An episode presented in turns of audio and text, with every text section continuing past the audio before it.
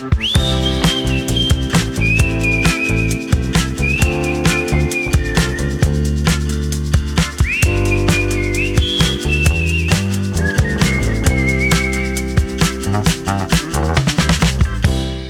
dia, dia.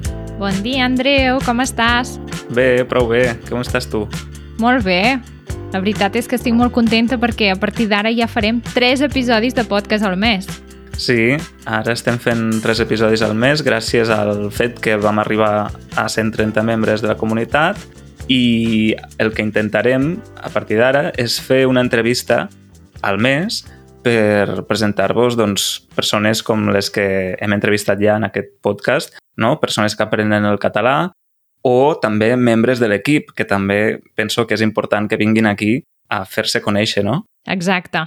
I qui és el primer que vindrà? Doncs avui tenim un convidat que és algú que ja vam dir que havíem d'entrevistar tant sí com no, que és membre de la família d'Easy Languages i que bé, que vam tenir l'oportunitat doncs, de conèixer-lo en persona quan va venir a Barcelona no? per la trobada aquesta que vam fer. Vam veure que té un català fantàstic i vam dir, ostres, mm, l'hem de convidar sí o sí. Eh, es tracta del Rafaele, d'Is Italian, que el tenim aquí. Hola, Rafaele, bon dia. Bon dia, bon dia a tothom. Benvingut. Com estàs? Moltes gràcies. No, no sóc segur que el meu català és fantàstic, però puc parlar una mica. Segur que sí. Doncs, a veure, Rafaele, explica'ns una mica quin és el teu paper dins d'Easy Italian, no? Perquè tu et vas incorporar a l'equip format pel Mateo i la Katie, etc. I quin paper has adoptat tu dins d'Easy Italian?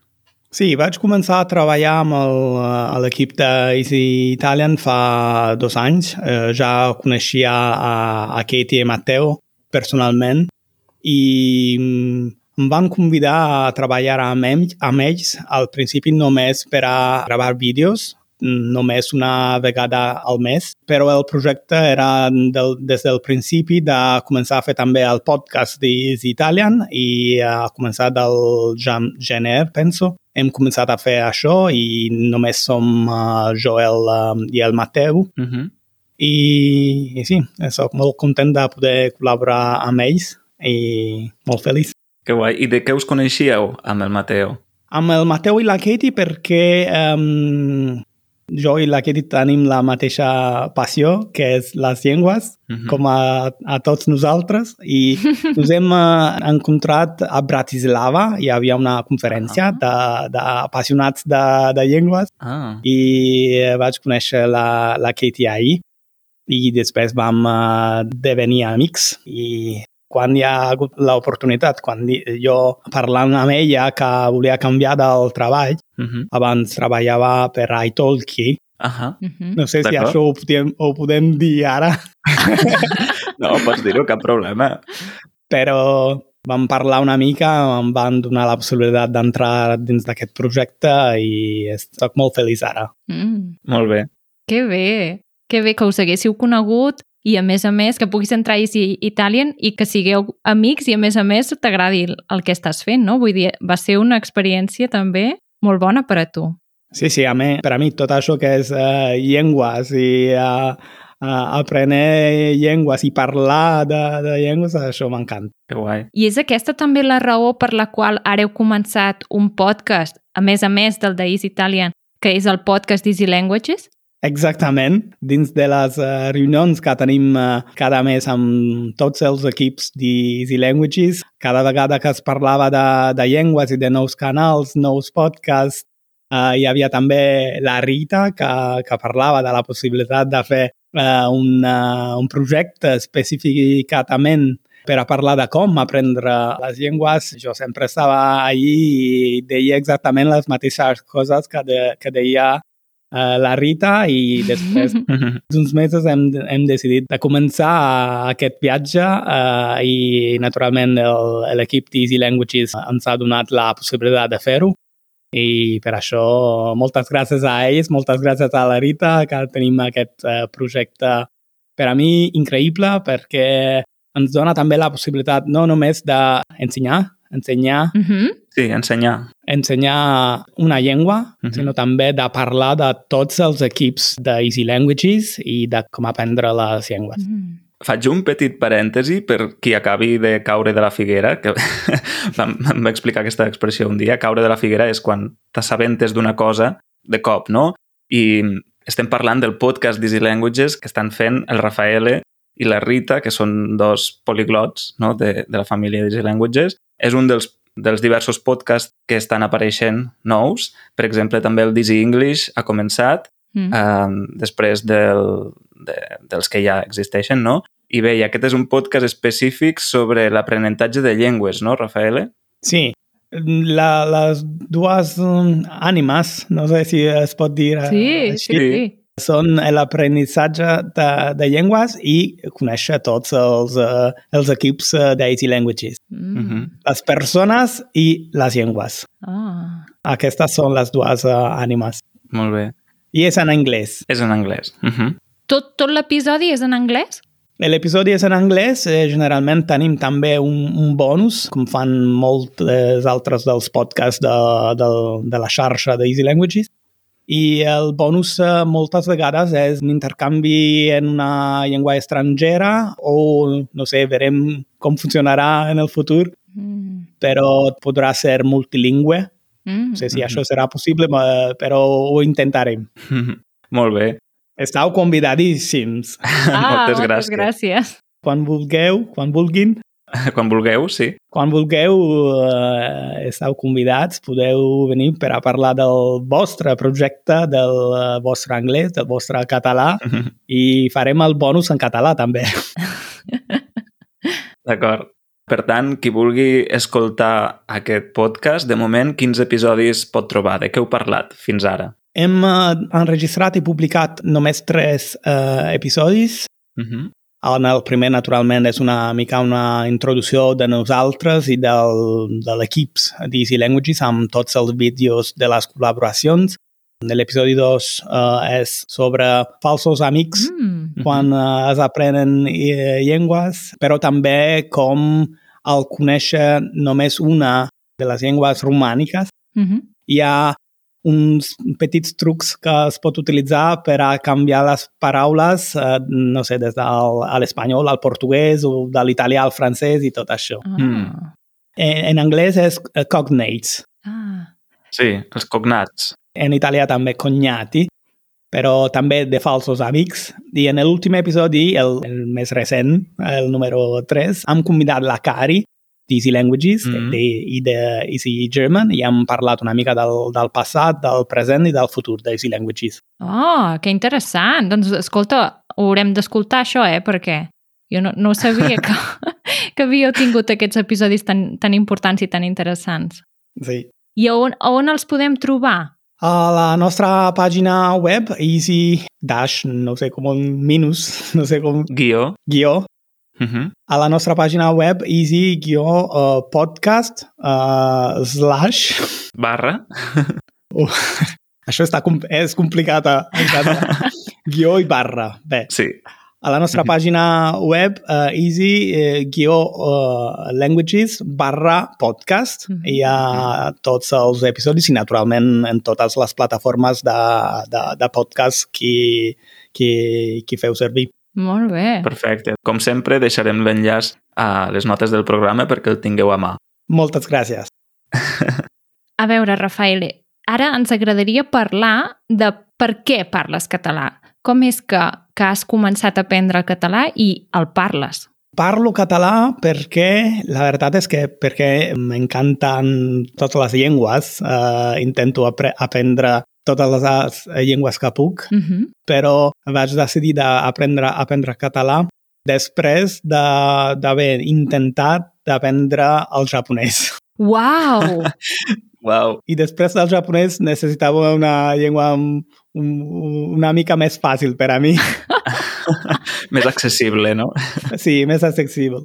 I com ja parlava uh, naturalment l'italià i el napolità, que són les meves llengües madres. Maternes. Maternes.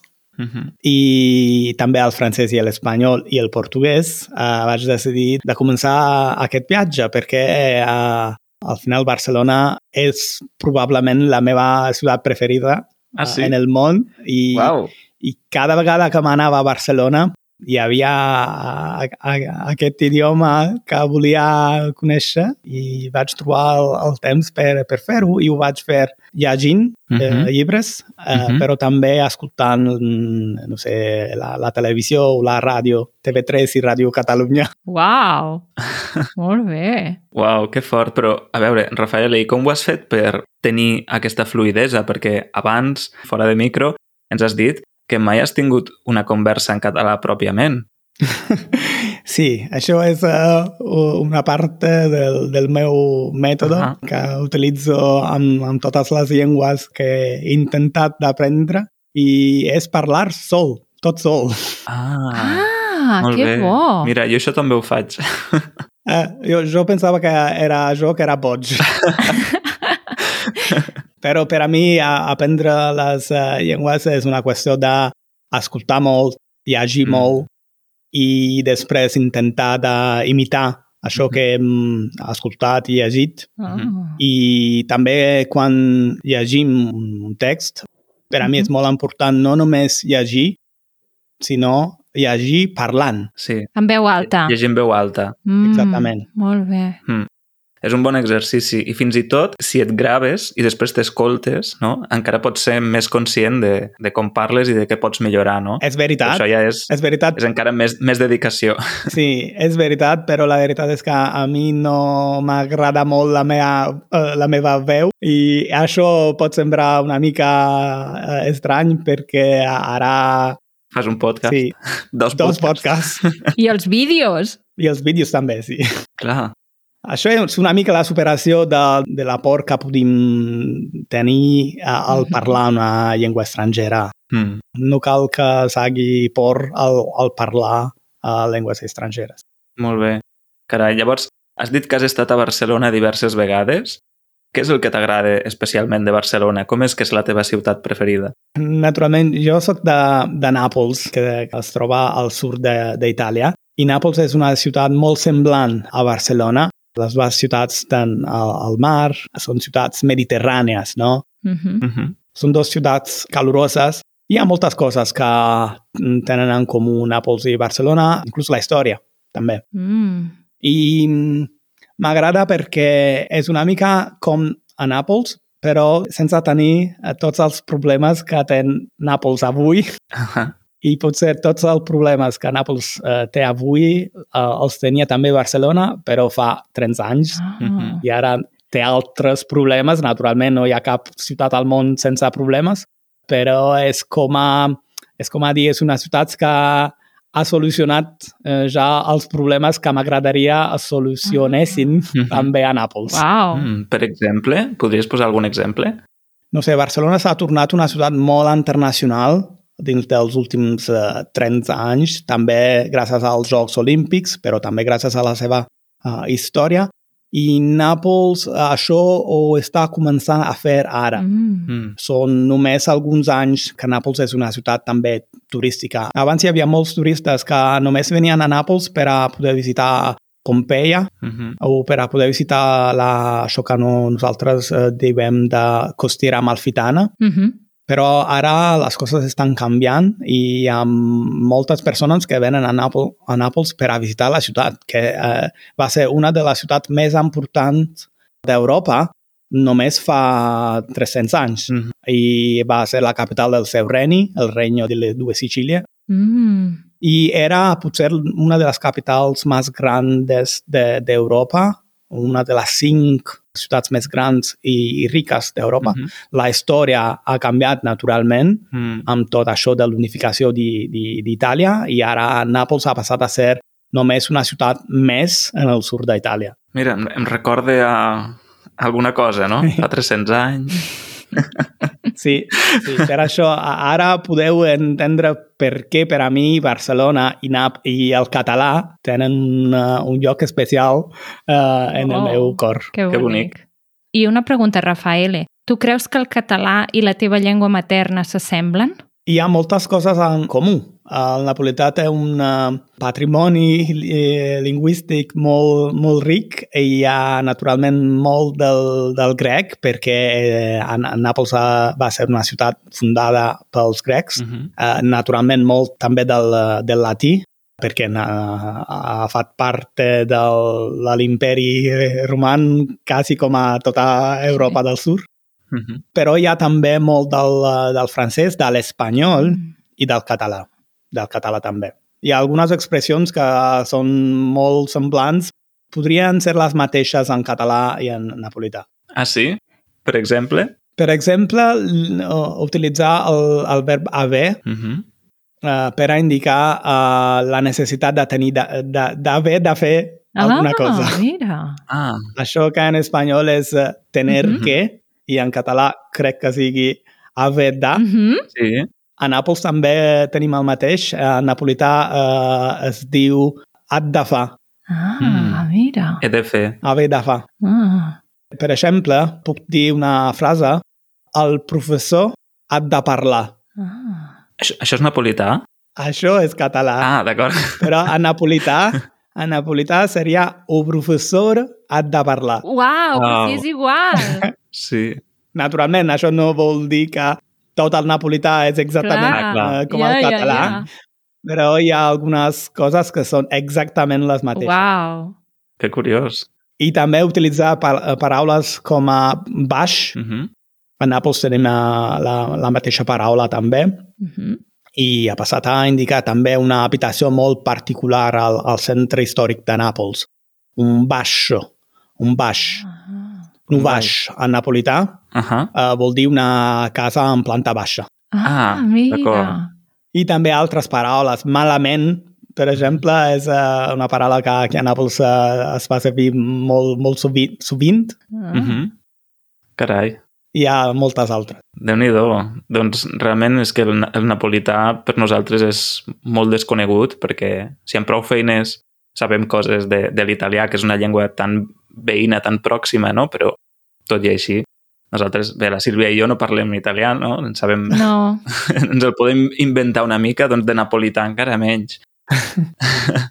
Sí, no volia parlar tot l'episodi sobre el napolità, però això pot ser eh, sigui interessant perquè Mm. eh, el napolità també s'encontra eh, potser on estava també el català fa uns anys. Mm. Ara el napolità no s'ensenya a l'escola, no, no, Mm. es, no es Mm. escriu, no hi ha una uh, acadèmia de napolità que digui uh, això uh, s'ha d'escriure així. Uh -huh. I per Ah. això és, uh, és la um, llengua uh, en perill Mm. més parlada en el món. Uau. Wow, Quina llàstima. déu nhi Perquè quants parlants té més o menys el napolità? Uh, això depèn una mica d'això que Mhm. considerem Mhm. napolità, però quasi tot el sud d'Itàlia parla una forma de napolità, però Mhm. només si considerem només també si considerem només la regió de Campània, que és la regió de Mhm. Nàpols, són 6 milions d'habitants. déu nhi Amb una llengua que no té cànon Ja. oficial. Uau. I no hi ha, no hi ha una acadèmia, o sigui, no hi ha una acadèmia de la llengua napolitana? Hi ha, però no és una, un òrgan uh, D'acord. oficial, Mm. no, és un, no és un comitat oficial reconegut per a ningú. Eh, només són, no sé, professors d'u- d'u- d'u- d'universitat que uh, van de, decidir de, de parlar d'aquest tema i d'intentar de fer un, uh, no sé, un, un cànon oficial per uh, com s'ha d'escriure i parlar en napolità. No és oficial. No és una llengua oficial de, de cap regió en Itàlia. Carai, quina llàstima. Quanta feina hi ha per fer eh? amb les llengües Sí. amb les llengües minoritàries o o minoritzades? Però tenc, tinc també una altra expressió, que és una, no és una expressió gramatical Uh -huh. del català, però és una expressió que per a mi vol dir molt. I això eh, eh, soc segur que ja eh, coneixeu eh, aquesta expressió i és més que un club. No! Del Barça, sí. Sí. Si no sóc del Barça, no sóc del Madrid, però uh, era futbolista quan era tot petit i uh, uh, en el Barcelona jugava un, uh, un jugador que va ser el meu jugador favorit, uh, el Ronaldo brasiler, Ah, D'acord. i la primera vegada que vaig visitar Barcelona, naturalment vaig visitar també el Camp Nou, i sí, uh, naturalment tothom parlava d'aquesta expressió i d'això que significa, no només per al Barça, sinó també per a Mm. la, la, la Catalunya i el català. Sí, és veritat. I de fet, per exemple, ara el Barça també, doncs, gràcies al Barça, Spotify, la plataforma, la interfície, estarà en català o ja comença a estar en català, no? Per, perquè han fet un acord, o sigui, Spotify és patrocinador del Barça i al final doncs, han fet aquest acord. Per tant, sí, sí, el Barça d'alguna manera també, o de diverses maneres, ha contribuït al català, és veritat. Podem dir també que el meu primer contacte amb el, el català va ser gràcies al, al futbol, gràcies al, bar, al, al Futbol Club Barcelona, perquè jo veia, aprenia l'espanyol, però quan m'anava a, a la pàgina web del Barcelona no hi havia l'espanyol. I, I pensava, però què és uh, aquest idioma? I ho, ho, ho vaig estudiar una mica i vaig reconèixer algunes paraules, però no totes. I vaig començar a estar interessat uh, amb, el, amb el català per això.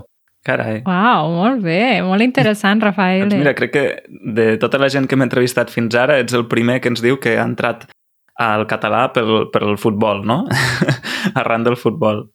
Molt bé. Sí, eh, no, no, no es pot parlar de Barcelona o de Catalunya sense parlar de futbol. Molt bé. Doncs, Rafael, acabarem aquí. Moltes gràcies per haver vingut a, al podcast. Enhorabona per aquest català que tens, per que, que es nota que l'has practicat en la intimitat, però l'has practicat. Ho intentaré practicar una mica més amb, amb amics eh, com a vosaltres. Moltes gràcies per, a, per haver-me convidat i enhorabona pel vostre podcast. Gràcies. T'agraïm que hagis vingut. Moltes gràcies. Gràcies a vosaltres. I quan vinguis a Barcelona, ja que és la teva ciutat preferida, doncs sempre avisa'ns i podem trobar-nos personalment. D'acord? Segurament. Moltes gràcies. Molt bé. Doncs la Sílvia i jo ara continuarem en el bonus, com sempre. Per aquells que sou de la subscripció de podcast, ens podreu sentir una estona més, comentarem aquesta entrevista i no acabarem sense esmentar que aquest episodi ha tingut el suport del Departament de Cultura de la Generalitat de Catalunya, així que moltes gràcies al departament, moltes gràcies als que ens doneu suport fent-vos ben membres de la comunitat. Si encara no ho sou, ho podeu fer a l'enllaç easycatalan.org barra membership. I ara sí, amb això acabem. Um, fins una altra. Adeu. Que vagi molt bé. Adeu. Adeu, fins a la propera. Adeu.